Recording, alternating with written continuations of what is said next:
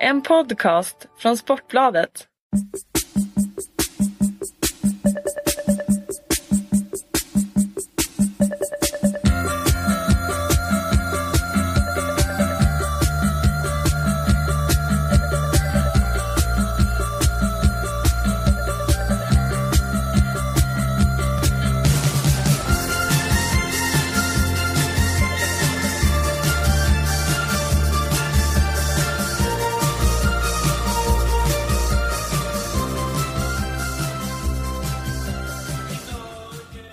Våran podd tillbaka här. Robert Laulit och jag sitter här med min kollega Oskar Månsson. Så länge sedan att jag nästan har glömt av vad, vad, vad den heter egentligen. Mm, eh, Folkets podd. Folkets podd, 51% fotboll tillbaka i alla fall. Och eh, något vi aldrig egentligen har eh, berättat för våra lyssnare är ju eh, hur vi ser ut och var vi sitter. Vi sitter i ett rätt eh, tråkigt konferensrum här med fördragna eh, persienner. Eh, trångt, ganska varmt och syrefattigt brukar det vara. Du har på dig en, en grå luv, luvtröja kan man säga. Eh, du har håret kammat i en eh, ganska så eh, stilig snedbena och ser ganska pigg och glad ut för att vara på väg in i en höstsäsong. Mm, trevligt. Jag känner mig inte alls sån. Jag jobbat, med, jobbat många dagar. Haft, ja, inte så kul på jobbet sådär. Nähä, vad har du nu då? Nej, inget speciellt egentligen men eh, lite, du vet när du kommer Det är höstångesten som börjar smyga sig på kanske? Ja, faktiskt. Eh, men jag ska vara ledig nu. Egentligen har min eh, lilla så här skiftledighet redan börjat idag. Ja. Eh, men nu sitter jag här en dag. Eh, men men, det är ingen större fara trots allt. Eh, lite tror jag det hänger ihop faktiskt med med Sverigedemokraterna faktiskt. Att det liksom tagit så djupt på något sätt. Att att det liksom eh, den här allmänna eh, framtidspessimismen har, eh, gör ju att man mår, man mår lite sämre. Du har inte hämtat det från valresultatet, det, det är vad du försöker säga? Nej, framförallt inte nu när jag skulle gå in och säga att Linus Bylund, eh, som folk säkert har koll på, eh, Sverigedemokraten, skriver på Twitter att samtliga individer som sprider hat eller demokratifientliga åsikter ska nogsamt och systematiskt avlägsnat från svenska folkets radio slash TV. Eh, då har vi gått varvet runt. Om, eh, om Sverigedemokraterna anklagar eh, Sveriges Radio för att vara demokratifientliga då, eh, då har vi en mär mycket märklig debatt på gång känns det som. De fick ju lite stryk Sverigedemokraterna där när de spelade, eh, alltså verbalt stryk, Hammarbys, Kenta, Kentas låt. Eh, det var ju Hammarby inte så glada över. Eh, de kan ju inte göra så mycket åt det men hur eh, hur mycket slår en, en sån yttring som Hammarby ändå gör mot eh, Sverigedemokraterna? Jag tror, alltså det är väl det man brukar säga att, all, att allting som förstärker deras martyrskap gör, gör ju att de växer. Mm. Åtminstone har det varit så, alltså för det har ju varit liksom från början kanske, ja, bara om eh, en av 30 eh, tycker det här är bra så vinner vi på det. Mm. Eh, bara en av 20 och nu kanske eh, Ja nu har vi passerat en av 10 också då men så länge man har den sitsen så, så vinner man på det. Eh, vinner de på det kanske liksom i, i en röst eh, kontext. Men å, å, andra sidan om man tittar på Hammarbys markering så var det ju ganska snyggt gjort. För de sa ju ja men vi kan inte göra någonting alls åt det här. Det men vi gillar det inte. Nej och därför vill vi visa att vi inte tycker om det. Mm. Du höll en terapipodd med mig här när jag kom, kom tillbaka från min, eh, mitt Brasilien-äventyr och min semester och, och, var lite allmänt nedslagen. Känner du att du har liksom fått, eh, eh fått tala ut här nu och, och, att du känner dig stark nog att släppa politikspåret och, och, gå på det vi egentligen ska prata om nämligen eh, allsvensk fotboll och eventuellt lite superettan? Mm, det, det, det, ska jag väl klara. Det, det, det, är som när man gör terapi så här utan att vara beredd på det så blir det bara massa svammel. Så det jag har sagt. Vilket man lugnt kan säga om det jag har sagt hittills. Men eh, du vill kanske att jag ska recensera ditt utseende bara för det också? Eh, det behöver du absolut inte göra. Jag tänkte mer att vi liksom eh, från Sverigedemokraterna till Hammarby skulle leda in oss på den lilla eh, fotbollsresa. Du har ju rest över de sju haven kan man säga här och varit ute på, på, på, på både det ena och det andra om man backar bandet i helgen. Mm, och ett, ett besök var ju i Jönköping om jag inte är fel underrättad, Huskvarna Hammarby.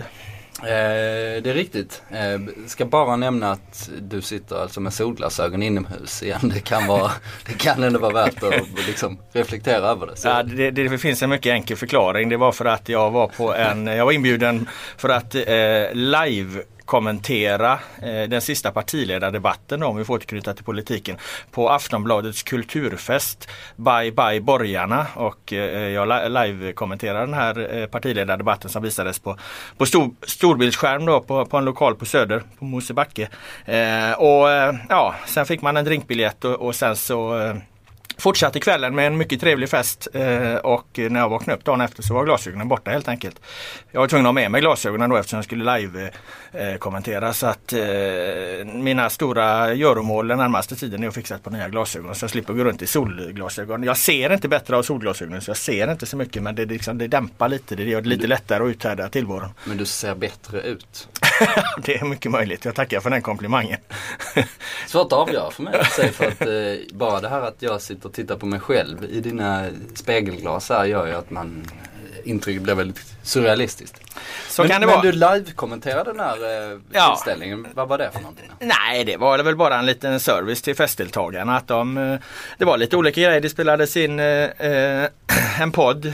Aftonbladets kulturredaktion eh, live, live in sin podd innan och sen så Athena Farrokhzad hade någon utställning och så kunde alla titta på på partiledardebatten och, och, och, och, då kommenterade jag lite vad som hände. Mm. Eh, det var inte mer komplicerat än så. Eh, men eh, det var en ganska lätt uppgift måste jag säga med att, att festen, anslag själva festen var Bye Bye Borgarna så, så eh, var det ju en publik som hade hjärtat till vänster och höll du dig ditåt så, så var de inte så svårflörtade. Ja, okay. Det kan ju kanske eh, säga en del. Men i alla fall, eh, nu hamnar vi, halkar vi in på politiken ändå. Det kanske är naturligt så här i valtider. Eh, men låt oss återgå till eh, våra resor vi har gjort här och eh, våra kära fotbollsallsvenska och superettan. Du var återigen då i, i Jönköping om vi får börja om på det spåret. Eh, men det kanske inte fanns så mycket att säga om det. jo, det finns ganska mycket att säga om det faktiskt. Först och främst så var jag på arenan med Sveriges bästa namn. Aha. Vapenvallen. Vapenvallen, där skulle ju Peter Svärd vara tränare. Om jag får dra till med en spontan reflektion. Fan, jag skulle haft den här Instant Rimshot. Um, som är en, um, ja. Vi, vi kör den en gång så, så ska vi se om det funkar bättre den här gången. Uh, jo, jag var i alla fall på uh, arenan med Sveriges bästa namn. Va Vapenvallen. Ah, du skulle du kommit med din eh, ja, input igen. Jaha okej. Okay. Ja, jag tar den en gång till då. Okej. Okay. Jag, var, jag var på arenan med Sveriges bästa namn. Vapenvallen. Jaha, där skulle Peter Svärd varit tränare om jag får komma med en spontan reflektion. Ja det funkar. Okej, okay. det blev lite knas här. Eh, jag hade en sån där på, okay. på datorn. Ah, ja. eh, vi klipper lite här kanske. Nej, skit i det. Vad fan. Eh, Jo, jag var där och det var ju eh, spännande för det är, en, eh, det är alltid spännande att vara eh, på matcher när den lilla klubben tar emot den stora klubben. Mm. Det blir automatiskt spännande. I det här fallet då Huskvarna som har eh, har kämpat i och för sig i Superettan men som kommit upp i elitfotbollen. Eh, som skulle möta Hammarby som stormar ner med, eh, de var väl kanske 3000 totalt då och, och gissningsvis eh, ja, över 2000 var väl säkert Hammarbyare på, på vägarna ner där längs med E4 så vajade gröna flaggor från, från alla bilar. Men det blev ju lite kontrovers där också på mm. Vapenvallen. Det, blev konflikt. Va? Dock ej väpnad men, eh, men, men konflikt. Um, för att uh, Huskvarna fick flytta på sin klack. De har en liten klack. Uh, den är väl inte sådär jättestor. Uh, men eh, de fick flytta på den från eh, ståplats för de hade helt enkelt gett bort den då till, till Bayerns eh, supportrar när de kom dit. Och det betydde att eh, de i Husqvarna-klacken flyttade till huvudläktaren. Eh, och de har två otroligt stora flaggor. Alltså typ 4 gånger 4 meter kanske. Mm eh, gigantiska flaggor verkligen. Som två snubbar stod och vevade. Eh, och de flaggorna täckte ju en hel planhalva. Du försöker alltså skylla din rätt bedrövliga matchanalys på flaggorna? är det det du försöker få fram här nu? Ja, faktiskt. Det, det du där, såg ingenting? Det är där vi ska landa. Eh, såg inte ett endaste dugg. Eh, liksom de som satt på samma läktarsektion som mig. Eh, så när till exempel den här bedrövliga scenen då när eh, Zakaria, eh, ska vi säga, Nej, jo Zakaria Abdullahi när han fick sin, eh, Eh, när han blev spottad på i, eh, vid, vid sidlinjen. Eh, just det, nu har jag gjort mycket. Jag blandade ihop honom med Mohammed Abubakari i Åtvidaberg som jag pratade med dagen efter. Det var mina två intervjuer där. Eh, skitsamma, när han, fick, när han blev spottad på vid sidan, vid sidlinjen, när han skulle ta ett inkast efter en minut. Så såg vi ingenting som satt där borta. Vi såg inte ett endaste dugg. Jaha. Eh, så vi visste ju inte vad som hade hänt och det var ju avbrutet i 13 minuter då för, för att domaren eh, blåste av Hammarbyspelarna var framme och liksom försökte lugna ner de här då som, som betedde sig illa. Eh, men allt jag märkte från min sida det var ju den här ilskan mot de flaggorna. Alltså folk satt ju vrålade då mot flaggorna, ta ner de där jävla grejerna liksom. Och sen så var det ju någon från Huskvarna-klacken som sprang upp och skällde ut någon gubbe som skrek och så. Så det var liksom full kaos där också. Och vakter kopplades in och så. Så till sist då så fick ju de här eh, flaggorna plockas ner mer eller mindre då med, eh, med våld. Ah, våld. Men det fick, de fick handgripling gå in och störa, liksom ta ner det. Så det var ju, folk var ju skitförbannade där. Och det kan man ju förstå. Eh, sen kanske man kan förstå klubben också att om man vill eh, ha intäkter när det stora laget kommer så eh, det kanske man kan förstå båda. Ja, men som jag förstod det så var det ganska dåligt informerat från eh, klubben då. Att liksom, Ja det låter ju så. Om supportrarna fick reda på det någon timme innan. Flyttades i sista stund där så. Eh, händelserikt i Jönköping då alltså. Var eh, något att säga om matchen eller? Eh, en ganska bra match för Huskvarna då som Mm. saknar sex spelare. Hade fyra avstängda. Det är fantastiskt att lyckas med det. Ja. Eh, och de hade plockat in lite nya spelare under sommaren men, men saknar flera av sina bästa spelare. Lyckades ändå liksom på, på mycket, eh, med mycket vilja eh, och så hålla 1-0 fram till den 81 minuten. Kennedy Bagcioglu slog in en hörna eller slog in en frispark eh, och sen missade han en straff i 87 och därefter slog han ett inlägg som Erik Israelsson nickade in i 94. Eh, så Hammarby vann den matchen då. Viktig seger för dem. Mm. Eh, och Nanne var mycket, mycket lättad efteråt. En dramatisk toppstrid fortsätter i Superettan då kan man väl sammanfatta det hela med. Ja, eh, ditt Ljungskile finns ju med där fortfarande. Jajamän. Vad har du för senaste rapport därifrån? Nej, där har jag inte så, så mycket rapport eh, ifrån eh, Ljungskile faktiskt. Eh, Jag koncentrerar mig mest på, på allsvenskan. Jag gör lite nedslag i superettan då och då. Men jag är glad att de, de ligger där de ligger och, och det är beundransvärt att de, de gör det med, med sina knappa resurser. Men det har vi varit inne på många gånger att det sitter något i väggarna där. Det, det, det brukar sägas om föreningar men jag har spelat i många, många herrans lag hela, i mitt liv och, och det har aldrig varit så, så starkt den där liksom andan som finns i, i Ljungskile. Det finns ju inte så jävla mycket annat i Ljungskile så det kanske inte är så konstigt. Men eh, det, det är verkligen en anda där att man, man eh, gör, eh, man tar i lite mer, man, man springer lite extra. Det, det, det liksom, du känner det när du kommer upp för, för liksom kullen att eh, här har du fan inget att göra om du inte tar i lite extra. Så att, eh, en, spe, en speciell klubb på det sättet. Erik Lövgren som var med i en podd här i somras. Ja. Han har ju spelat i eh, eh, Sundsvall och Umeå och Östersund. Ja just det. Eh, han varit på Skarsjövallen då. Vid eh, minst ett tillfälle. Satt på bänken då sa han. Mm. Men han lanserar en teori om att, om att den arenan var ju så liksom, overklig då i, i elitfotbollssammanhang. Så att han trodde att liksom spelarna undermedvetet kände att ja, men den här matchen räknas ju inte. Det är ingen som kommer få reda på hur det går i den här matchen. Nej, det kanske är känslan när man kommer dit första gången men, men många lag besöker där år efter år och eh, har ändå stora problem. Så, eh, jag vet inte riktigt vad, vad, vad jag är för den teorin i långa loppet. Han kanske var lika förvirrad som jag känner mig idag. Ja. Nyvaken är jag för övrigt också. Jaha. Jobbat eh, hela natten eh, med, eh, jag kommer inte ens ihåg med vad. Men eh, men du, jag tänkte fortsätta på din eh, resa längs vägarna här för att efter du hade varit i Jönköping då fortsatte du ner till eh, Göteborg och den ädla ön Hisingen för att se eh, Häcken eh, Malmö FF om jag inte är felunderrättad. Och den matchen eh, lyssnade jag på, följde jag via radion, via Sveriges Radio. Så, Sportradion har ju alltså inte den här traditionella radiosporten utan man kan gå in och lyssna på alla matcher så du får eh, hela matchen refererad. Och det gjorde jag och där hade, det var en fantastisk kommentator där. Han heter eh, Olle Tyrbo. Jag måste liksom Mhm. jag, måste, jag, jag jag antecknade lite av, av liksom hur han refererar den matchen. Kan vi se om du känner igen dig. Den slutar ju 3-3 då efter att Häcken hade tappat en, en ledning. Men Olle Tyrbo han sa saker som att när Malmö bytte in Simon Kron tror jag det var. Så, så hörde vi Olle Tyrbo säga Ja nu ska vi se vad denna gosse heter. Han hade ju inte full koll på, på Malmö FF. Eh, sen eh, eh, var det en situation i matchen och eh, eh då skulle han berätta när, när eh, vad klockan, matchklockan var. Men det lyckades han inte riktigt ta reda på så han, fick, han, han konstaterade att ja, jag får be att återkomma om tiden. och det brukar ju vara något av det enklaste för det står ju på, på, liksom, på, på skylten där så jag vet inte riktigt vad han satt och kommenterade detta. Fast det var ju ett problem redan på eh, 1974 när Ralf Edström gjorde sitt volleymål. Och vad är klockan? Ja.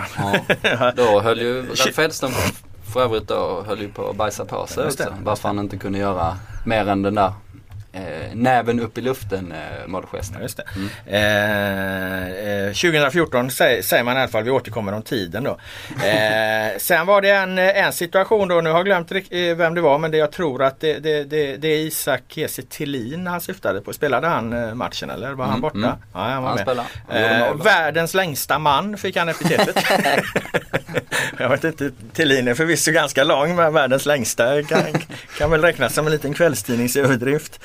De Eh, bytte ju för övrigt in i hemmalaget då så kom ju världens största 17-åring. Ja, just det, Carlos just det. Strandberg kom Strandberg. in eh, Ja. trots att han inte är 17 längre. Nej. Så, har han väl det Ja, det kan vara Kalle Strandberg han eh, syftade på. Jag kommer inte exakt ihåg. Jag bara noterar att han världens längsta man kom med i språkfloran där. Eh, Eller så kunde man säga så.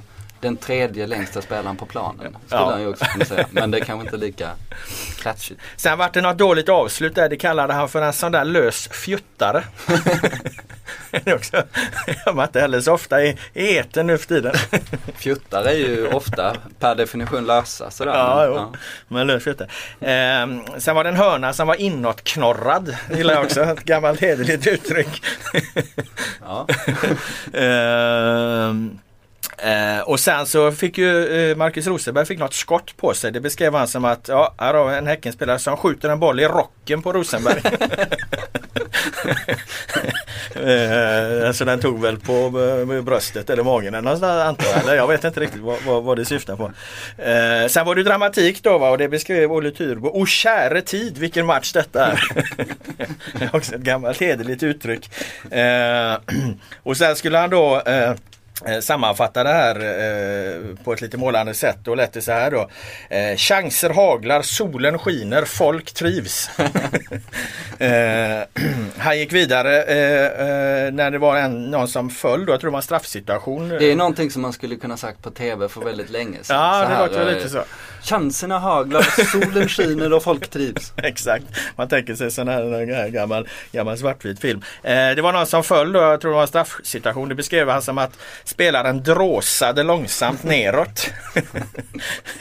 eh, sen fick han för sig att beskriva det här igen då med, med, lite, med, med, med många ord där då. Då lät så här. Vilken match det är att titta på. Mål, chanser, händelser, gnäll, ruff, utanför.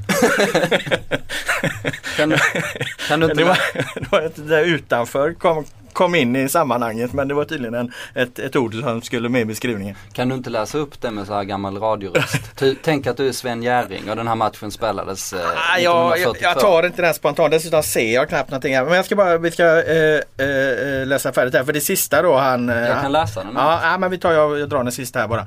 Sen kan du få välja en här. Eh, ja, det var precis på slutet då. Då, då konstaterar han vilken dramatik detta är. Nu tror jag Strömberg som blåser för han orkar inte med den här spänningen längre. och, sen, och sen var det väl ungefär över. Den kör ju eh, Lasse Granqvist också i sig. Att domaren inte orkar med. Nej men jag orkar inte med. Nej, det är just väl det. den här när, Just det, det är en sån när Sverige vänder i, i hockey-VM 2003. Ja. Från 1-5 till 6-5 mot Finland. Ja just det, det är när han ska säga upp sig och, och, och LG, eh, expertkommentatorn där säger till honom att, eh, att Det går alldeles utmärkt. Eh, Ja du får välja någon där då om du vill, om du vill försöka ta dem med, med, med Jerringröst där då. Mm. Eh, ska vi se. Vilken match detta är att titta på. Mål, chanser, händelse, gnäll, ruff utanför. Nej, jag satte den inte så bra. Men, eh, men det verkar ju som, alltså jag hade ju ganska kul där. Eh, och titta på den här matchen. Ja. Givetvis. Eh, det var en, en 4 plus match som Ja. jag och Simon Bank som var där då. Och Olle Tyrbos referat var snuddade på fem skulle jag säga i sin eh, originalitet.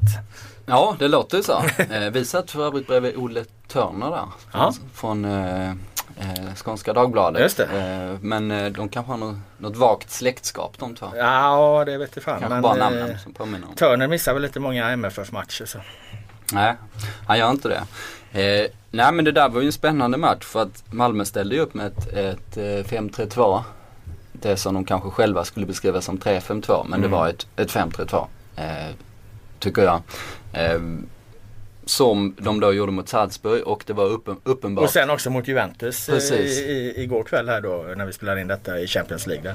Precis, så det var liksom en, en förberedelse då kan man tänka sig. Ja. Inför den matchen i mångt och mycket plus att Malmö har ju haft jättestora problem mot Häcken på bortaplan. Eh, har eh, typ, ja, de eh, har ju, ja nu kommer jag inte ens ihåg siffrorna. Oj, jag, jag är inte så skarp idag men jag tror det är typ 12-3 liksom på de Mm. senaste matcherna.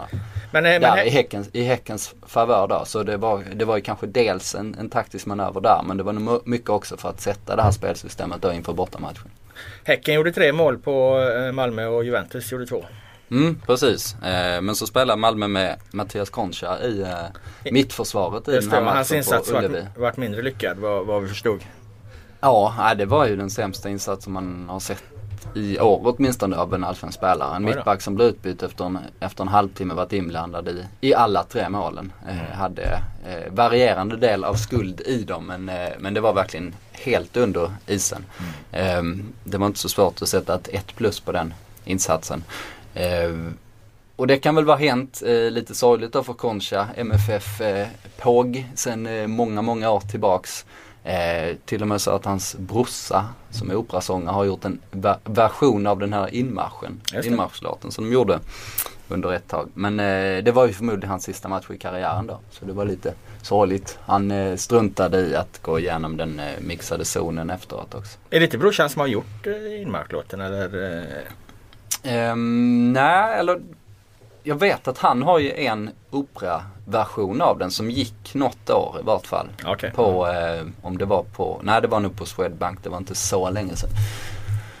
Hur som helst, det är väldigt mycket imififf där i vart fall. Mm. Eh, och eh, ett eh, sorgligt avsked. Å andra sidan. Du menar att det var det sista vi såg av eh, eh, veteranen i Allsvenskan? Eh, att han, han får inga mer chanser? Nej, jag tror, inte, jag tror inte han får det faktiskt. Även om de spelar med tre innerbackar då. Eh, Mm. Han, han har väl knappt spelat innerback och nu, nu var det väl, alltså Åke Hareide. Åke Hareide, det gillar jag. Åke Hareide, det får du börja, kalla honom. Det, I och med att jag säger fel på vartannat ord idag så, så kan det bli fler sådana här. Men Åke Hareide motiverade i vart fall eh, efteråt med att de då behövde strukturera om och göra ett byte och det gjorde de i och för sig. Alltså de flyttade upp Marcus Hallsti på inomhutfältet så att det blev ett 4-4-2. Men å andra sidan bytte de in Johan Hammar då, den yngre mittbacken på Conchas plats. Så liksom möjligtvis att Harede liksom motiverade med, nej det var ett taktiskt drag och Concha spelar liksom som halv ytterback, alltså i ett, i ett, eh, i en, i en trebackslinje då. Eh, men, men så var det ju inte riktigt utan han var, han var ju helt under isen då. Å andra sidan så tror jag inte det blir något liksom, det blir inget större så här att det blir hans legacy till eh, eftervärlden för att han har gjort ganska mycket annat. Plus att Malmö kom, kom ikapp eh, och sen visade det sig att AIK förlorade nästa omgång. Så det var liksom ingen så avgörande stund. Nej, det men blev inte så. min röda tråd är där. Vi kan ju, vi ska givetvis prata lite om Champions League och så men vi kan, vi kan lägga det lite framåt i, i sändningen här. Eh, min, min tråd var ju där att den här matchen då, då, där, då såg man ju verkligen att nu kan vi få en extremt tajt guldstrid där för att AIK, eh, en AIK-seger mot eh, Helsingborg där två dagar senare hade ju betytt att eh, det bara hade skilt två poäng och AIK och Malmö då dessutom ska mötas på Friends. Så då hade ju liksom båda lagen haft extremt mycket i egna händer och fötter om man kan uttrycka det så. Mm. Men så blev det ju inte. Jag var ju, jag var ju i Helsingborg och såg den här matchen. Var du där? Nej, jag var, jag var tillbaka i Stockholm då. Jag tittade Ja. på Djurgården Åtvidaberg. Såg du den? Var egentligen det jag tänkte fråga. För att du inte var där vet jag ju faktiskt. Eftersom jag själv var där så hade du varit där så hade du sett det. Ja du borde lagt någon slags notis. Nej jag tänkte faktiskt fråga dig om du, var där, äh, om du såg den. Jo jag kollade på matchen. Ja. Eh, det var ju rätt eh, eh, märklig match och eh, det var en rätt märklig startelva måste jag säga. Eh, som det blev en del diskussioner om efteråt och eh, eh, eftersom det blev så mycket diskussioner så, så för liksom tappade jag lite bort mitt eh, grundanslag varför jag tyckte det här blev så konstigt. Men det var ju så att Celso Borgi spelade på topp med, med Henok Goitom. Eh, Nabil Bahoui saknades. Eh, och Celso Borgis fungerade inte i den här anfallsrollen och det har han ju egentligen inte gjort tidigare utan han är ju bättre som central mittfältare och då blev det ungefär ett AIK skulle jag säga utan två av sina absolut bästa och viktiga spelare. I och med att Bahoui var skadad var han borta och Borges var överhuvudtaget liksom inte med i matchen så länge han, han befann sig där uppe. Han kom inte direkt med i spelet och, och så. Och, och Helsingborg är ju faktiskt rätt bra idag måste jag säga. De har ju gjort en del kloka värvningar. De har fått ordning på det där laget. De har en anfallsduo där med den extremt snabba Akam och, och, och, och Dahlberg som vi, Micke Dahlberg då som, som liksom krigar och sliter på, på alla höjdbollar och är besvärlig och jobbig att möta liksom och, och, och skapar utrymme för andra spelare även om, om, om han själv kanske inte är liksom eh, världens vassaste målskytt så. Men, men han gör mycket nytta helt enkelt. Sen har de ett innermittfält med, med eh, eh Johan Mårtensson och eh, den här eh, eh Viktor Palsson heter han väl? Stämmer. His name is Robert Paulson. Alltså, jag tänkte på eh, Fight Club när jag såg honom. Jag har inte sett honom tidigare, Victor, Victor Paulson. Duktig spelare, eh, lite besvärlig att göra med vad jag förstår. Eh, många klubbyten och inte trivts och, och, och, jag vet inte om mm, liksom, hans bakgrund har varit lite, lite krånglig så. så att, men, men som fotbollsspelare, när han får lite tid på sig som han fick, fick här och, och, och sätta bollarna så Eh, mycket bra så att eh, eh, Helsingborg kommer klara, klara det här allsvenska kontraktet. Eh, eh, det är jag helt övertygad om. De kommer kunna ge Malmö en, en bra match i, i Skånederbyt här på söndag och eh, ja AIK fick som sagt eh, eh besvärligt direkt här. fokus blev väldigt mycket på att David, David Ackhams kontringar och, och att de gör tre mål inom loppet av åtta minuter då men men hela första halvlek är ju egentligen Helsingborgs. De har boll i stolpen och, och Patrik Karlgren då som är en väldigt duktig målvakt gör ett par riktigt bra räddningar. Eh, så att jag tycker att eh, Andreas Alm missade eh, helt med, med, med, den här startelvan och eh, AIK kändes eh, eh, dåligt förberedda på vad, vad de egentligen skulle möta. Mm. Eh, jag tror att Alm när jag tittade på elvan där. Mm. Håller med om Helsingborg så bra ut. Dessutom med Lindström och Kristoffer på, på kanterna så har man en stabilitet då. Mm. Och de andra spelarna är nya och en sån som Palsson kanske pendlar lite grann och så vidare. Men eh, jag tror att, att han resonerade som så att, att eh, nu när både eh, Ibrahim Moro och Ebenezer Ofori har eh, varit så bra på slutet som de har varit. Det har, det har liksom från sommaren och framåt så har ju de varit riktigt, riktigt bra. Och det är ju två stora talanger då. Så ville han väl stoppa in båda två i elvan och då blev det att, eh, ja men då flyttar vi upp Borgsjös. Trots att eh, de har testat det tidigare och det har inte gått så bra. Eh, Borgsjö spelar anfallare i, i Norge också. Mm. Någon, någon slags target-roll där till och från. Eh, vilket han gjorde okej okay då. Han är ju smart då liksom. men, han, men hans riktiga position ska ju vara på innermittfältet. Det blir lite konstigt också när man inte har något djupledshot då på riktigt. När, till och med när, när, Bill är borta. Och sen så då blir man ju av med den dimensionen. Ja, nej, det var ganska enkelt för Helsingborgs backlinje att kliva, ett par, par, kliva upp ett par meter liksom. Då behöver du inte direkt oroa sig för det. Nej och även om man säger åt eh, Henok Goitom eller eh, Celso Borges att, att gå på djupet så, är, så kommer ju ingen göra det liksom instinktivt. Eh, så jag tycker också det var en, eh, en lite konstig elva faktiskt. Mm. Det ville ju Alm då inte hålla med om eh, efteråt. Eh, eh, vart ju lite tjafs där men, men det är väl kanske inte så mycket mer att säga om det. Jag gjorde en beskrivning i, i, i bloggen där efteråt om, om eh, exakt hur det gick till liksom, och folk, folk får dra sina egna slutsatser. Jag noterar i alla fall. Men ni hade ett litet tjafs där helt enkelt? Ja det hade vi väl. Och, Alm var som Alm brukar vara. Liksom. Man ställer ofta motfrågor och, och så. Och, det tyckte jag väl var, var, var på sin plats. Liksom. Jag har varit lite irriterad så jag formulerade om frågan och, och fick ju till slut ett svar då. Man får hålla på och, och tröska lite där innan man får svar. Men då när liksom den, liksom, vad ska vi säga, den organiserade delen av presskonferensen eh, var över. Eh, och då, då, då, då, det som händer då är ofta att då kommer radion fram och vill göra lite liksom individuella intervjuer och kanske någon tidning vill ställa några enskilda frågor och så vidare. Det, det tillhör ju någonstans fortfarande presskonferensen även om den avancerade delen var över. Då eh, gick han fram till mig och, och liksom ytterligare en gång ville fråga mig om, om min fotbollssyn utifrån de eh, frågor jag hade ställt. Och, och, och, då, sa, då sa jag liksom att nej, så, så, länge du svarar på mina frågor, för det är ju det här eh, forumet vi, vi så, så jag, jag är nöjd liksom. Jag kan inte säga att jag ska stå där liksom och, och driva en debatt med honom där och då. Eh, när det står andra liksom, journalister som väntar på att få göra sina intervjuer och så. Jag tycker inte det känns fair mot kollegor och, och dessutom så har man själv eh, bråttom antingen till att skriva eller ner i den mixade zonen och så. Eh, så att eh, jag tog inte den diskussionen med honom där. Utan jag gick ner i mixade zonen och när Alm då kom ner från presskonferensen så gick han förbi och så sa han liksom Pratar inte du med mig? Nej jag bojkottar dig så. Och, och det, det uppfattade jag ju liksom som att eh, det var ren jargong liksom. Så här. Då, var det, då var det andra över liksom. Och, och, och, han skojade lite när han sa pratar du inte med mig? Och jag skojade när jag sa liksom nej jag bojkottar dig och så. Men då var det någon som snappade upp det där eh, som stod bredvid. Så att det kom ut på Twitter och så. Så att jag fick ju säga att bojkotten var över då. Så att eh, om det nu var en bojkott så varade den i kanske exakt eh, 13 minuter. Okay.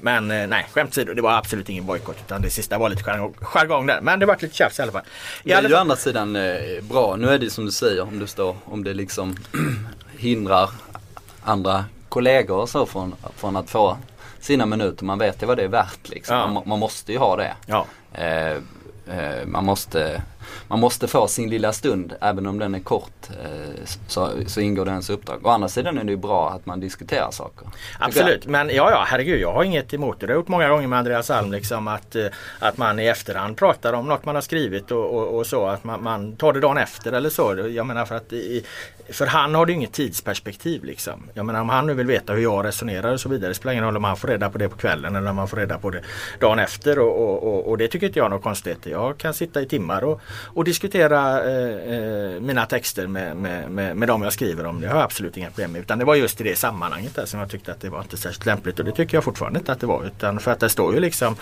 radion och, och ska göra sina enskilda och, och, och någon annan vill fram och, och, och plocka upp något annat eh, eh då. Så att, eh, så var det. Men eh, eh sen så, ja det blev reaktioner på det här då och eh, en del AIK har varit förbannade då. Man skulle inte hålla på liksom och, och och, och tjafsa med tränaren och så här. Men jag, jag menar, hade jag varit supporter till AIK i det här läget. Eh, de förlorar en extremt viktig match. Eh, de eh, missade chansen att verkligen eh, få det här eh, bra läget i guldstriden. Hade jag efteråt sett att medierapporteringen fokuserades på tränaren istället för liksom att hänga ut eh, eh backlinjen eh, eller någon back som hade en besvärlig match. Då hade jag varit nöjd som supporter för att för, för framtiden så är det mycket bättre att det tränas och få, få kritik. Det är ju lite liksom hans grej och, och stå upp där och, och, och, och, ta kritiken i ett besvärligt läge liksom för att liksom skydda spelarna och så vidare för att det inte ska spridas ännu mer osäkerhet än vad, vad förlusten redan gör. Och det var någonstans det jag blev lite förvånad över när jag ställde mina frågor till Alm om han kunde se något problem med den här startelvan som jag då inte tyckte gav AIK de bästa förutsättningarna. Och jag menar han ändrade ju eh, eller underkände, vilket ord man nu väljer ju sin egen startelva flyttade ner Borgis på mittfältet eh, eh, permanent i, efter paus. Då. Eh, nej men så hade jag varit supporter där så hade jag tyckt att ja men det var väl bra att fokus hamnade på Alm då så det inte hamnade på Per Karlsson eller Alexander Milosevic eller någon annan enskild spelare. Så då. Nej, jag som har följt AIK mycket den här säsongen, det har ju du också gjort. Eh, men har ju noterat det att, att det jag tycker Alm är skicklig på är att, att han är duktig med kontinuiteten. Han ser saker eh, på lång sikt och det finns liksom en grundtrygghet i det. Och han har gjort väldigt bra resultat sen han, sen han tillträdde då. Eh, tvåa, fyra, tvåa.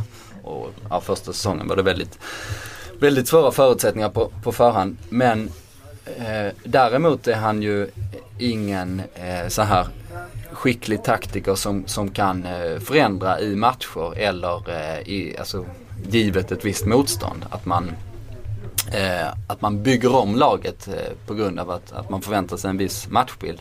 Där, och då har han samtidigt gjort vissa oväntade drag Mm. eh, som det känns som att AIK har inte liksom, de har inte varit förberedda på det här.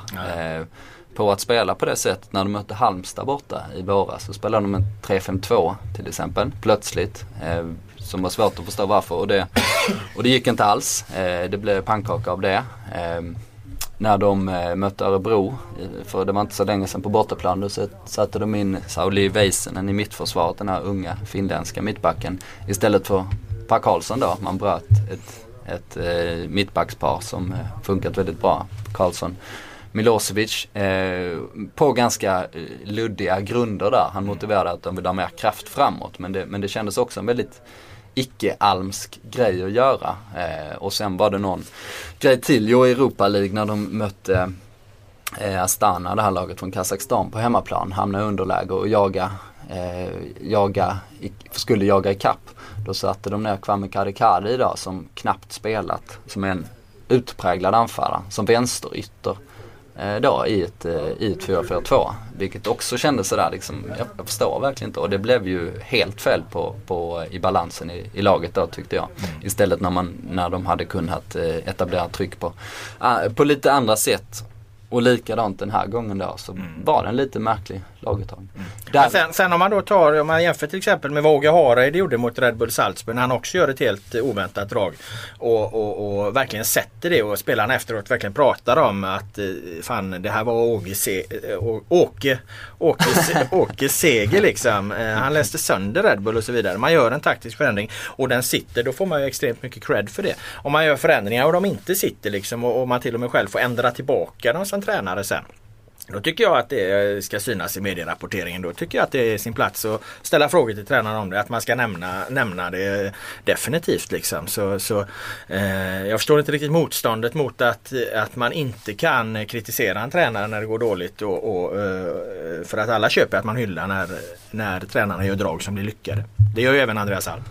Absolut. Eh, nej, och det får man ta helt enkelt. Däremot så fattar man ju tung förlust, irriterad Ja, eh, och kanske såklart. rent allmänt tycker att analyserna är lite, lite, Lite enkla. Ja, lite, ja. Och det är de i många fall. Alltså Ja, ja. Det, det finns ju jäkla många proffstyckare som, som levererar enkla sanningar då och, och tränarna kan ju eh, för det mesta väldigt mycket mer än Ja. vad de som sitter på läktaren gör liksom. Så det kanske var, det kanske var ett utslag av det där. Så kan det vara. Du, du pratar lite där. Jag har eh, tagit fram en liten, ett eh, räkneexempel här. Eh, jag satt och tittade på ekonomi i de fyra eh, mest framgångsrika klubbarna som ligger i toppen här nu också får, får, får vi väl säga då eh, eh, sen Andreas Alm tillträdde 2011. Det här handlar inte bara om, om AIK utan det här handlar om Malmö, AIK, Elfsborg, IFK Göteborg. Helsingborg skulle kunna haft sin plats i den här eh, redovisningen eftersom de vann 2011. Men de är så långt efter nu så att jag, jag tog inte med dem. Men jag har tittat på omsättningen då som eh, säger en hel del om en förening och Malmö FF är ju över, över de här tre åren då som vi har siffror på 2011, 12, 13. Vi har inte fj- 14 års bokslut än. Över de här åren 2011 då har Malmö i snitt haft 182 miljoner i omsättning. AIK har haft 123 miljoner. Elfsborg 118 miljoner. IFK Göteborg 112 miljoner. Tittar man på hur mycket pengar de, av de här eh, omsättningen de lägger på sin eh, spelartrupp eller på sina personalkostnader är ju det som redovisas. Så att här tillkommer ju kanslipersonal och så men det är samma för alla och spelartruppen är ju den absolut största delen. Men de totala personalkostnaderna då de är högst även i Malmö FF då som, som i snitt de här tre, åren har lagt 73 miljoner. Eh, och Elfsborg 66 miljoner, AIK 62 miljoner, IFK Göteborg 56 miljoner. På det här har ju då Malmö FF fått betalt i ett guld, Elfsborg i ett guld, AIK i två silver och IFK Göteborg i ett brons. Så att det ligger ju någonstans ganska mycket i linje med om man säger att ekonomi hör ihop väldigt mycket med, med resultat liksom, så, så ligger det ju i linje med att Malmö ska prestera bäst. Elfsborg kanske ska prestera näst bäst. Och AIK presterar ungefär utifrån sin förmåga. Och IFK Göteborg eh, som jag har någon sjunde plats i det här också, kanske är den som egentligen underpresterar mest då och det är tveksamt om de, de tar en medalj. Men de är också de liksom som, som har lägst omsättning och eh, satsar minst på sin spelartrupp av, av de här fyra stora lagen. Då. Eh, så att så sett är liksom utfallet ganska logiskt om man jämför det med ekonomi. Det man skulle kunna invända då det är att både Malmö FF och Elfsborg har haft lite halvturbulenta tider här. Om man tittar fram just mot 2014 då. I Malmö FF bytte de ju tränare inför säsongen och de bytte stora delar av ledningen. Eh, Elfsborg eh, bytte också tränare. Och mitt, många nyckelspelare. Ja, också. mitt under förra säsongen och så vidare. Det AIK och IFK Göteborg har som sin fördel då, det är att de kunnat ha kontinuitet och bygga något över tid då. I, IFK Göteborg är Micke Stare inne på sitt tredje år. Eh, I AIK är eh, eh, Andreas Alm inne på sitt fjärde år. Eh, men det här har liksom inte då kunnat omsättas i tillräckligt mycket poäng för att liksom eh, rubba på de liksom ekonomiska grundförutsättningarna. Eh, och där kan man ju tänka sig då att extremt skickliga tränare kan göra. Lite mm. som Pelle Olsson år efter år gjorde i, i, i Gävle exempelvis när, när de hade, tog extremt mycket mer poäng än de egentligen skulle göra med den omsättningen de hade. Ja, det var ju, eh, ska vi säga, osynliga handen, ekonomibloggen ja. där som hade jämfört det här med eh, ja, vad en poäng kostar för en klubb ja, helt enkelt. Kommit fram till att, att Nanne Bergstrand och Pelle Olsson var de som var bäst ja. över tid på att, eh, på att generera poäng per, för kostnad. Och då var liksom slutsatsen eh, nu kommer bönderna till Stockholm och det är kanske vad Stockholm behöver. För mm. att de sämsta klubbarna i den här kategorin var Djurgården och framförallt Hammarby då. Mm. Eh, som inte alls eh, levde upp till, eh, till sin lönekostnad. Och det är just den posten man ska titta på som du säger här.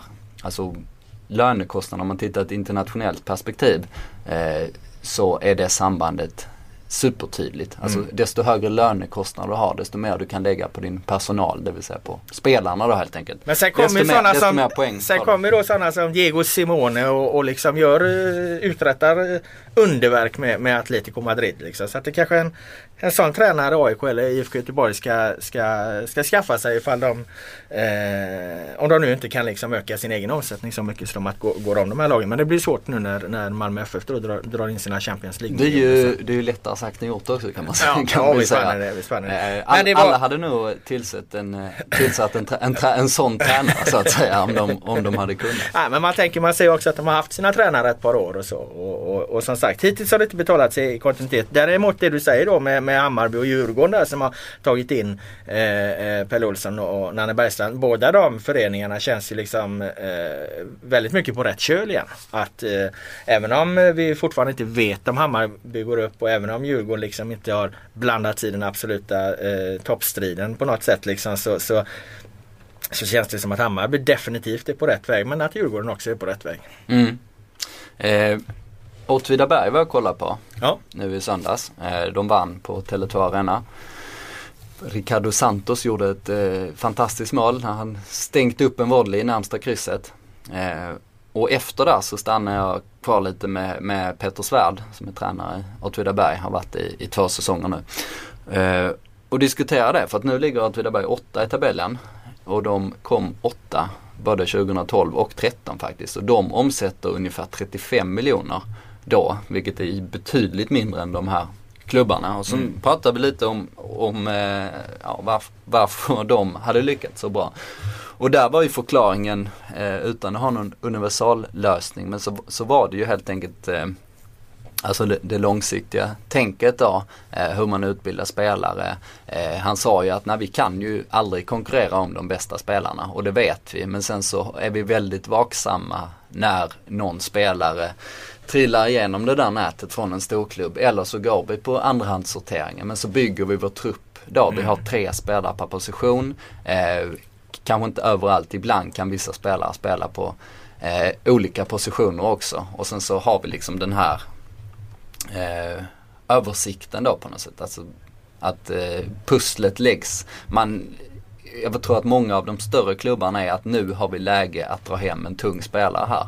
Och då kopplar man in folk eh, runt klubben kanske med externt kapital och så vidare. Eller eh, sponsorerna hjälper till på, på ett eller annat sätt. Och sen så drar man hem den här tunga värvningen och sen säljer man säsongsbiljetter och sånt. Men de tänker då i andra ändan istället för vad kan vi få så tänker de på vad behöver vi och sen så löser man det. Och då kanske man inte alltid tar den bästa spelaren men vi har behov av en vänsterback som håller på den här nivån som är ja, någorlunda stabil eh, eh, som karaktär eh, och så här. Eh, och jag tror inte de stora klubbarna eh, bortser från det här.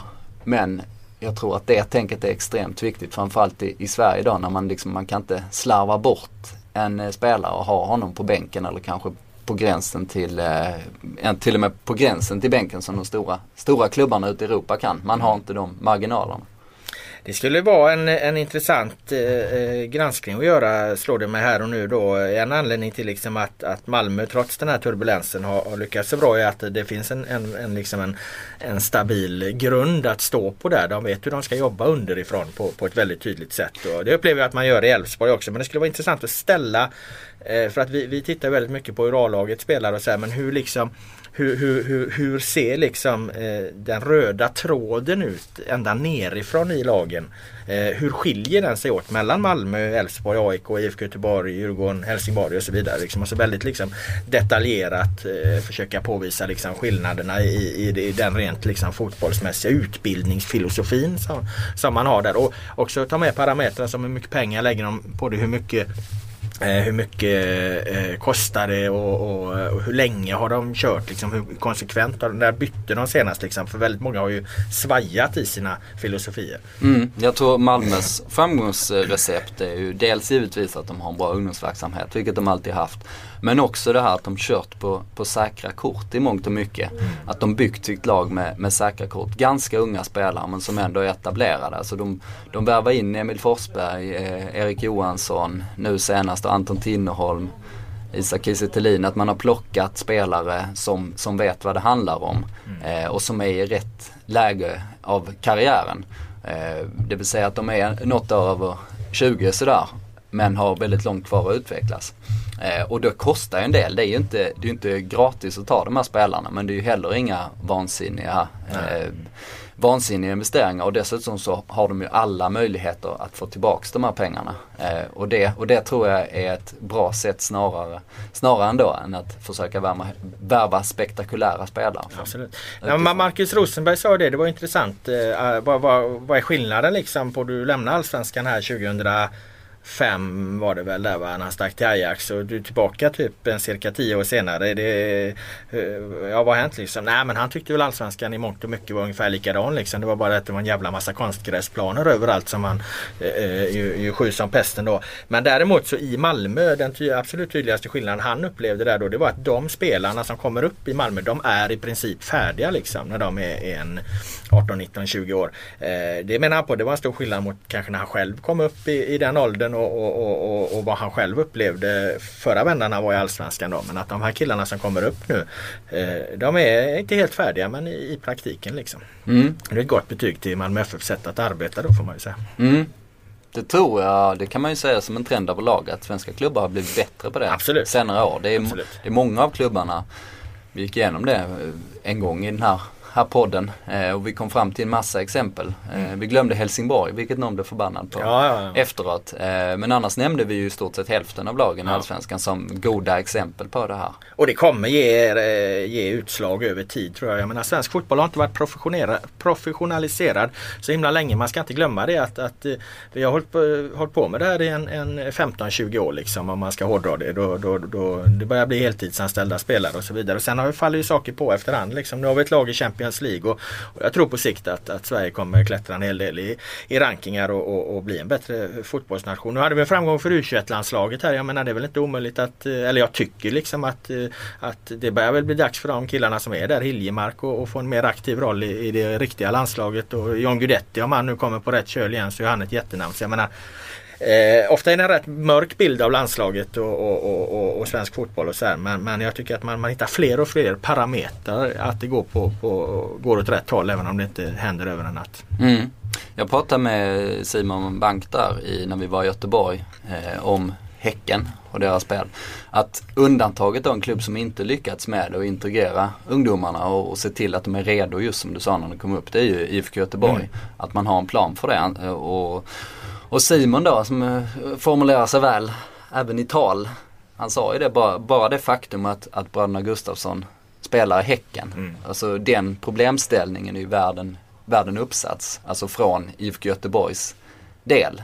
Va, Ja, ja. varf, varför har de som den självklara dominerande klubben i en stad eh, inte eh, lyckats locka över de här två fantastiska talangerna Ja, till för de, lag? de gick ju från Fässberg då som är en liten division 4-klubb. Eh, eh, anrik eh, förvisso men eh, i de lägre seriesystemen eh, i Mölndal till Häcken och jag intervjuade ju Simon Gustafsson i våras när jag åkte runt och gjorde de här talangintervjuerna och han sa ju precis det liksom att han trodde att han skulle utvecklas mycket bättre i Häcken. Mm. Eh, så att eh, där har ju Simon Det är intressant. Simon helt rätt. Ja det är det absolut. För att eh, är visst, visst, visst eh, resonerar många så. Men eh, jag tror minst lika, alltså de andra parametrarna. Hur flashig klubb är det? Hur Mm. mycket fans har vi? Hur mycket uppmärksamhet kommer jag få liksom? Mm. De parametrarna är ju, är ju säkert ofta större då för en, eh, ja vad var han, 17 när han kom dit kanske? Eller? Mm. Ja. Ja han är ju bara 19 nu så att ja nå, nå, någonstans där. De var väldigt bra i, vart fall båda två. Ja. Eh, I den här matchen mot Malmö. Igen. Eh, även, även Samuel eh, den här gången. Men det, den spaningen jag hade för ett tag sedan. Att när Häcken tappar boll i anfall, anfallet, eller i ett anfallsläge, vilket de ofta gör, för Häcken går ju framåt med alla. Det är ju deras liksom eh, det är ju deras grundbult i taktiken att alla ska framåt. Det ska alltid finnas alternativ och vi ska liksom inte begränsas av något system och så här. Eh, och när Häcken tappar boll så blir det ju nästan alltid farligt då för då kan det andra laget vända om. Eh, och när Häcken gör det, varje gång de gör det så är Simon Gustafsson arg på Samuel. alltså, oavsett om det är Samuel som har slagit bort bollen men då är det all, alltid, all, alltid gester och liksom eh, och förmodligen ett och annat ord till brorsan där också. Det hade varit roligt om de nu tar de sista stegen och vi får liksom ett tvillingpar på, på högsta nivå i svensk fotboll. Det är roligt att se om sådana där grejer hänger i då. Ja, det gör ju förmodligen det. Ja, du jag ska testa en annan framtidsteori på det här. Jag var ju nere i Malmö i, i, förr, ja, fan blir det? Ja, i förra veckan. Där jag gjorde ett stort, eh, stor ekonomigranskning eh, av hur de ska använda sina då uppskattningsvis runt eh, 250 miljoner kronor då som, som drar, drar in. Det kostar en hel del att spela i Champions League också. Men alltså det, det som jag förstår det på Malmö utan att de har tagit några styrelsebeslut då, utan de har ju satt då ekonomichefen och, och eh, ett, ekonomichefen Henrik Karlsson, VD Niklas Kall, Kallnén på att eh, ta fram en plan, ta fram ett underlag för hur, hur, hur vi bäst hanterar de här pengarna och så. Och en väldigt viktig del som inte är så himla rolig men det är att de behöver amortera mer på, eh, på Swedbank för att amortera på sina lån de har där för att få ner räntekostnaderna så att de liksom slipper eh, ha så stora utgifter på det här varje år. Då. Eh, det är en sak men när man liksom lyssnar på dem vad, vad, vilk, vad, vad ska de göra liksom? Alltså, mycket, av, mycket snacket där handlar ju alltså om att de, och det menar Niklas Kallnén då, vdn på att det gäller nog alla klubbar liksom, att man måste fotbollen måste hitta liksom nya produkter. Det pratar de extremt mycket om. De Mm. pratar om sitt chip, sina chips och sitt vatten och att de har startat något cykellopp här och Malmögirot och så. Alltså det, någonstans där verkar det som att då Förutom de då självklara sakerna att fylla sin arena för den är inte full. Så att där har de ju, om de nu ligger på ett snitt på 13 000 i Allsvenskan så, så kan de ju knuffa upp det snittet eh, om, de, om de jobbar mycket med det och blir ett, ett attraktivare fotbollslag och allt vad som ingår där i. Så där finns ju mer pengar att göra men eh, eh om man tittar då liksom så handlar det väldigt mycket om dem. Och det kan ju vara allt från liksom chips då till skolor och så hade de några nya grejer på gång. Då. Men han menar på att det där är ett tänk som eh, alla klubbar egentligen behöver, i alla fall alla storklubbar för att öka sina intäkter. Att man ska ha massa sidoverksamheter och, och, så. Va? AIK hade väl, kom väl med ett sådär toapapper för ett tag sedan.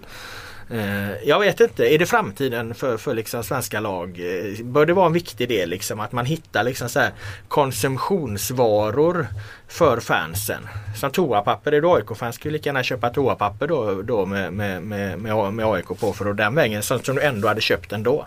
Fast det låter något som Djurgårdarna skulle köpa mer kanske.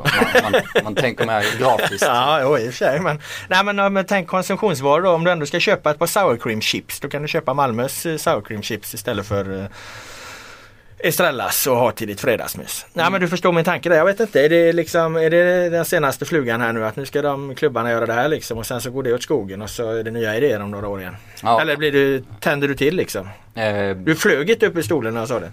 Nej det har jag inte gjort.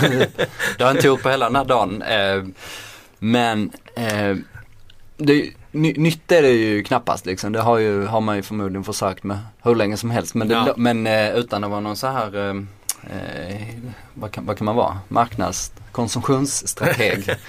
Nej det finns det inget som heter. Men, eh, ja, men utan att kunna den där världen så, så kan man ju tänka sig att det är klart man måste kunna tjäna mycket pengar på det. Liksom. Eh, man, vet, man vet ju vilket kundunderlag det finns och hur, hur liksom stor den här lojaliteten är. Eh, det måste ju vara en dröm när man analyserar i målgrupper och sånt här. Alla annonsörer vill ju alltid hitta målgrupper. Eh, i, I Sportbladet tycker eh, till exempel spelbolag och bilannonsörer att det är bra att synas och, och, eh, och i fotbollspauser så är det ju ölreklam då på, Mm. på TV och på förmiddagarna går blyreklamen istället. Eh, eller vad det nu kan vara och det är väldigt så enkla eh, faktorer som, som styr där. Så då tänker man sig att den, den målgruppsanalysen eh, analysen där borde vara väldigt. Tacksam.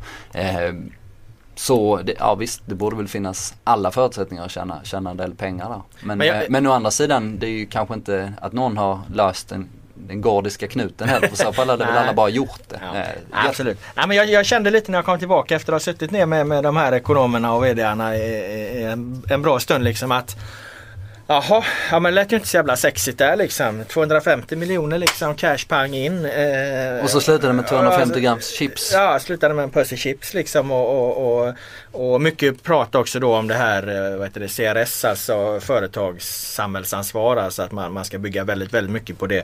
Att eh, f- synas i samhället, eh, finnas i skolor, driva skolor. Eh, för att det då ger eh, ny typ av, av samarbetspartners som senare kan generera pengar in. Det här är något Djurgården jobbar mycket med. AIK har ju Daniel Tjärnström är väl heltidsanställd och jobbar med, med, med, med sådana bitar. AIK de har fotboll i, i förorten och, och Djurgården har Djurgårdsandan och, och Malmö har MFF i samhället och, och många andra klubbar har, har, håller också på mycket med det här. Och det, det, den prognosen är också att den typen av saker blir, blir väldigt mycket viktigare eh, framöver här för att det kommer leda till att eh, få in eh, fler sponsorer och så vidare. Men eh, eh, alltså den, det huvudsakliga var liksom att ja, men det kändes inte så sexigt vad, vad de skulle göra med alla sina pengar. Men då tänkte jag det kanske är det som är grejen liksom. Mm. Här ska inte bli liksom AIK och Helsingborg som höll på att gå omkull för att de band sig vid så enormt höga eh, spelarkontrakt och så. Jag menar här skulle Daniel Andersson, han skulle jobba vidare enligt, enligt samma budget och liksom de behövde möjligen ha in en ytterback till men sen handlar det om att och, och, och hantera eh, de kontrakt som finns och behöver förlängas som är på väg att gå ut och försvinner någon ja då får, har man ju en, en bra kassa och värva någon ny och så vidare. Men de menar väl på då att eh, att det skulle fungera ungefär som förut men ja vi får väl se om de klarar det. Jag vet att eh, när jag drev bollklubben där så hade vi Rickard Norling på besök och, och vi diskuterade just det liksom varför, varför får klubbarna så ofta problem med ekonomin när de säger att ja men nu ska vi inte förhäva oss och så här. Och han sa det, jo visst det är sånt man säger. Men sen sitter man där och så har man chansen att ta den spelaren. Han kostar två miljoner mer. Ja vad fan vi kör liksom. Ja. Så att eh, ja, vi får väl se. Men jag tror att det kanske Det känns som att Malmö då har en nykter syn och de har ju lite exempel bakåt i tiden att titta på och, och, och göra det här långsiktigt.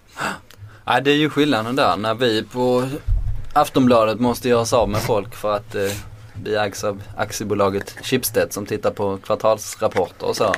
Och, och vinsten i sig är målet. Det handlar, Ja. det handlar om att tjäna pengar, punkt. Så, så är det ju inte det som är fotbollsklubbars mål.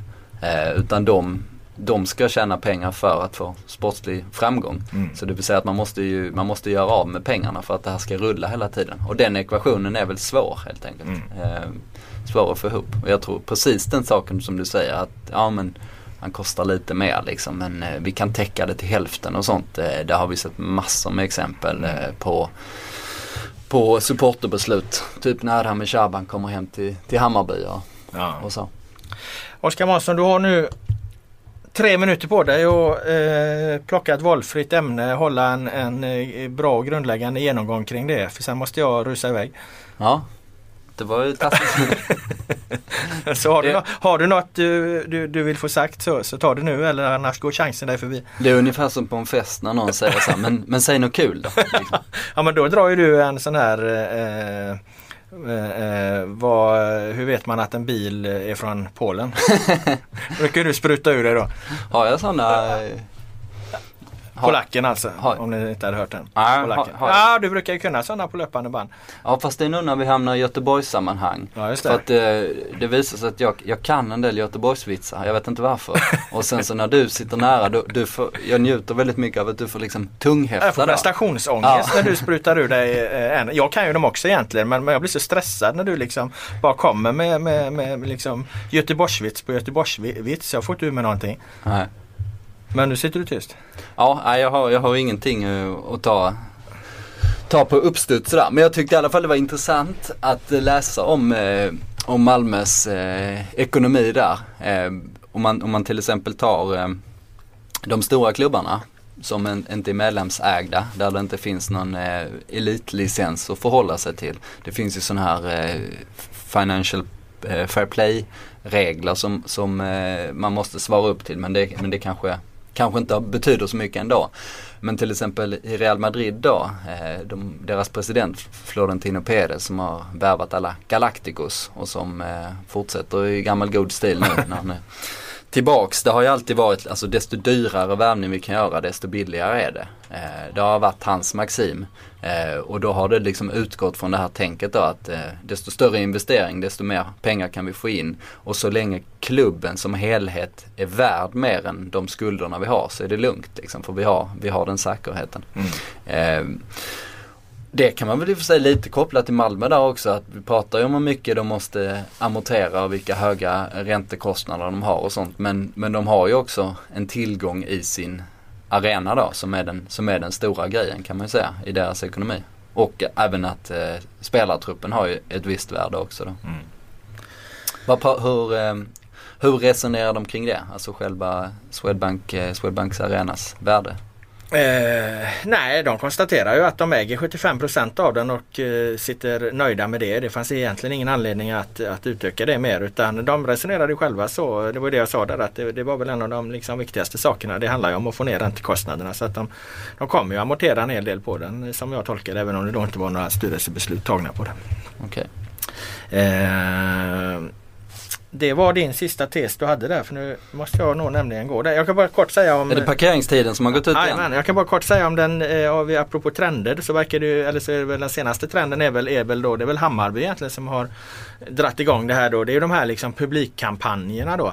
Eh, att man eh, eh, gör stora liksom via sociala medier, via hemsidor och försöker liksom få, få, få igång ett Hammarby, en Hammarbyhås då så att det ska komma mycket folk. Eh, Djurgården gjorde ju skickligt mot eh, Malmö till exempel när de väl i princip fyllde Tele, Tele2 där. Eh, inte riktigt men nästan. Eh, AIK kör ju sin nu, vad kallar de den? Unlock 90K. De ska dra eh, 30 000 på, på, på tre matcher va? Mm. Eh, det fick väl sig en liten törn kan tänkas via, via förlusten mot Helsingborg. Men det är ju det, tanken är väl att sånt inte riktigt ska påverka va, utan att man ska gå ändå. Helsingborg kör ju eh, att de ska fylla Olympia när de möter BP. Det är lite intressant att, att de gör det mot, mot BP då som ligger hjälplöst, hjälplöst sist. Och, och, och det verkar gå bra för Helsingborg där att de, de eh, eh, lyckas med det då. Så att det är väl också en fluga som, som man har sett det. Mm, de har ju ganska ofta av sig också. Kampanjmakarna mejlar Ja. ju och ringer och sånt till oss på, på tidningarna. Eh, och det är ju rätt smart. För Mm. att eh, jag, jag skriver ju ofta om publikkampanjer. Jag, jag, jag bryr mig inte om vem jag gynnar liksom. Jag, ja, är det en intressant grej för oss så är det ju. Och mycket folk är ju liksom, ja, då är det ju per definition, då finns det ju ett allmänintresse kring Mm. det. Så där har de också eh, varit skickliga då. Att de har använt oss en hel del liksom, för att bygga den här hosen kan man säga. Ja, det får bli slu- slutorden för den här eh, spontant eh, ihopsamlade eh, comeback-podden då efter vårat nästan tre veckor. Långa uppehåll. Eh, du sitter och knapprar på din dator där Oskar. Det är ingenting som ska komma omvärlden till känna som du tar fram eller kan jag stänga butiken? Kan du inte avsluta med en Göteborgsvits? Eh, jo, hur ser man att en eh, bil är från Kina? Ja, det vet jag inte. Det är en riktig rishög. Nu funkar den. Då tackar vi för oss. Ha det bra. Vi hörs igen om någon vecka eller två eller tre. Hej då.